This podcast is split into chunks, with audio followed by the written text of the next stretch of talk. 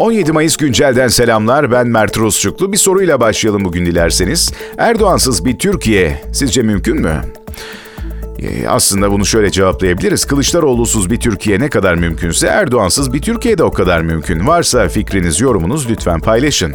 Peki neden bu kadar mutsuz, yılgın bir hale e, büründü Türkiye? Şu anda en azından öyle. Yani bunu neye dayanarak söylüyorum? Sosyal medyaya baktığınız zaman sosyal medya kullanan herhangi bir insan bunu görebilir. Bunun sadece muhalif kesim olarak değil, aynı zamanda iktidara yakın kesimler için de söylüyorum. Yani bir yılgınlık hali var. E, bunun sebebi tahmin edeceğiniz gibi aslında seçimin ilk turda bitmemesi. Evet.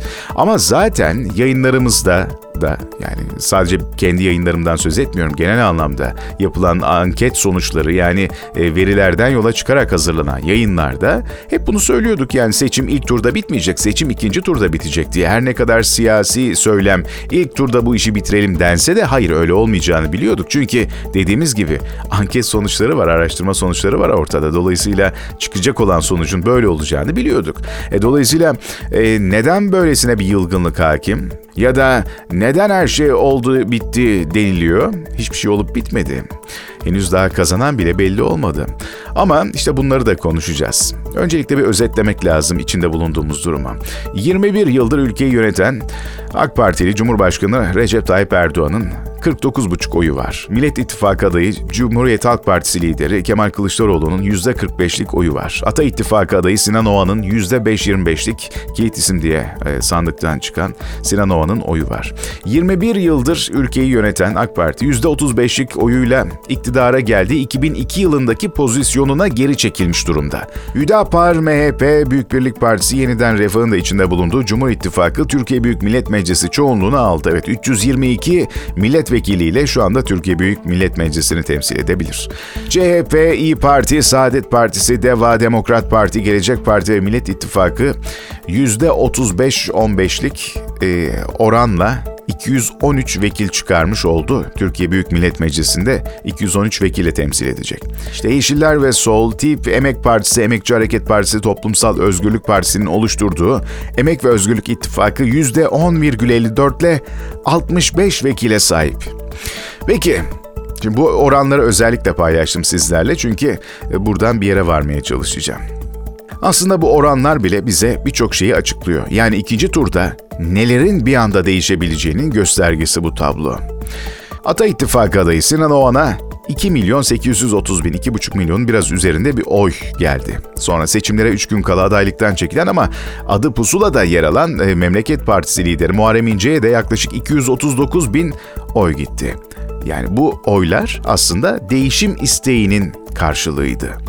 Bu şekilde analiz ediyoruz. Değişim isteği. Çok ciddi bir orandan bahsediyoruz burada. 3 milyon civarında. Sonra 14 Mayıs'ta geçersiz oylar da var. Geçersiz sayılan oylar 1 milyon 36 bin 565 yani e, 1 milyonun üzerinde bir e, geçersiz oy var. Sandığa gitmeyen seçmen çok fazla. 8,5 milyona yakın. İşte tamamını topladığımızda ortalama %13'lük bir oranı teşkil ediyor. %13 ciddi bir orandan bahsediyoruz. Yani bu %13'lük oran ikinci tur için çok değerli. Farkındasınız değil mi? Çok değerli. Neden yılgınlık var? Neden umutsuzluk var? Neden e, böylesine ön yargıyla bir yaklaşım ve bir o kadar da saldırganlık var? Hakikaten anlayabilmiş değilim. Ama tahmin ediyorum. Nedenini tahmin ediyorum propagandalar. Buna özellikle değinmek istiyorum. Lütfen bu kısmı özellikle izleyin, tekrar izleyin, tekrar dinleyin, tekrar tekrar dinletin ya da. Çünkü bu benim işim, bu benim mesleğim, bu benim eğitimine aldığım ve meslek haline gelen asıl branşım. Bunu size özellikle aktarıyorum. Medya bir propaganda aracıdır. Kitle iletişim araçlarının, dolayısıyla medyanın çıkış amacı zaten budur, propagandadır. Bakın, propaganda, medya propaganda aracıdır. Sosyal medya da buna dahildir bu arada, onu ayırmayın. İşte eğlence amaçlı, işte Instagram dahil olmak üzere. Ya ne olacak orada iki tane fotoğraf paylaşıyoruz deyip geçmeyin. Bunların her biri propaganda aracıdır. İzlediğiniz bir haberin veya görüntünün üzerinizde bıraktığı etki sizi manipüle etmek amaçlıdır.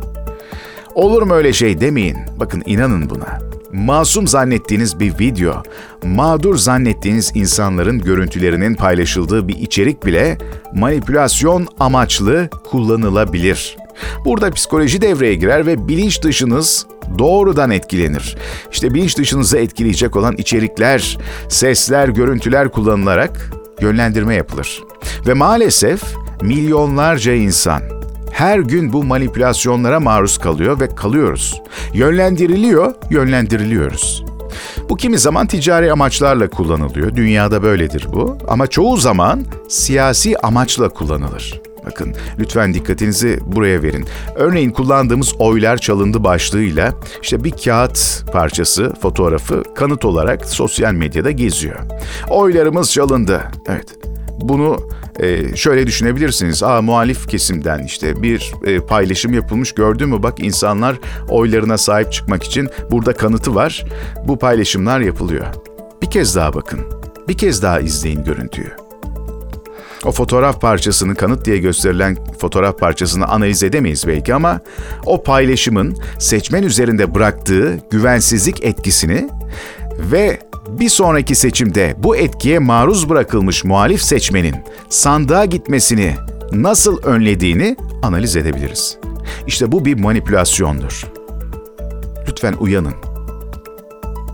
Kendinizi zihninizin içinde gezen, maruz bırakıldığınız bu tehlikelerden koruyun.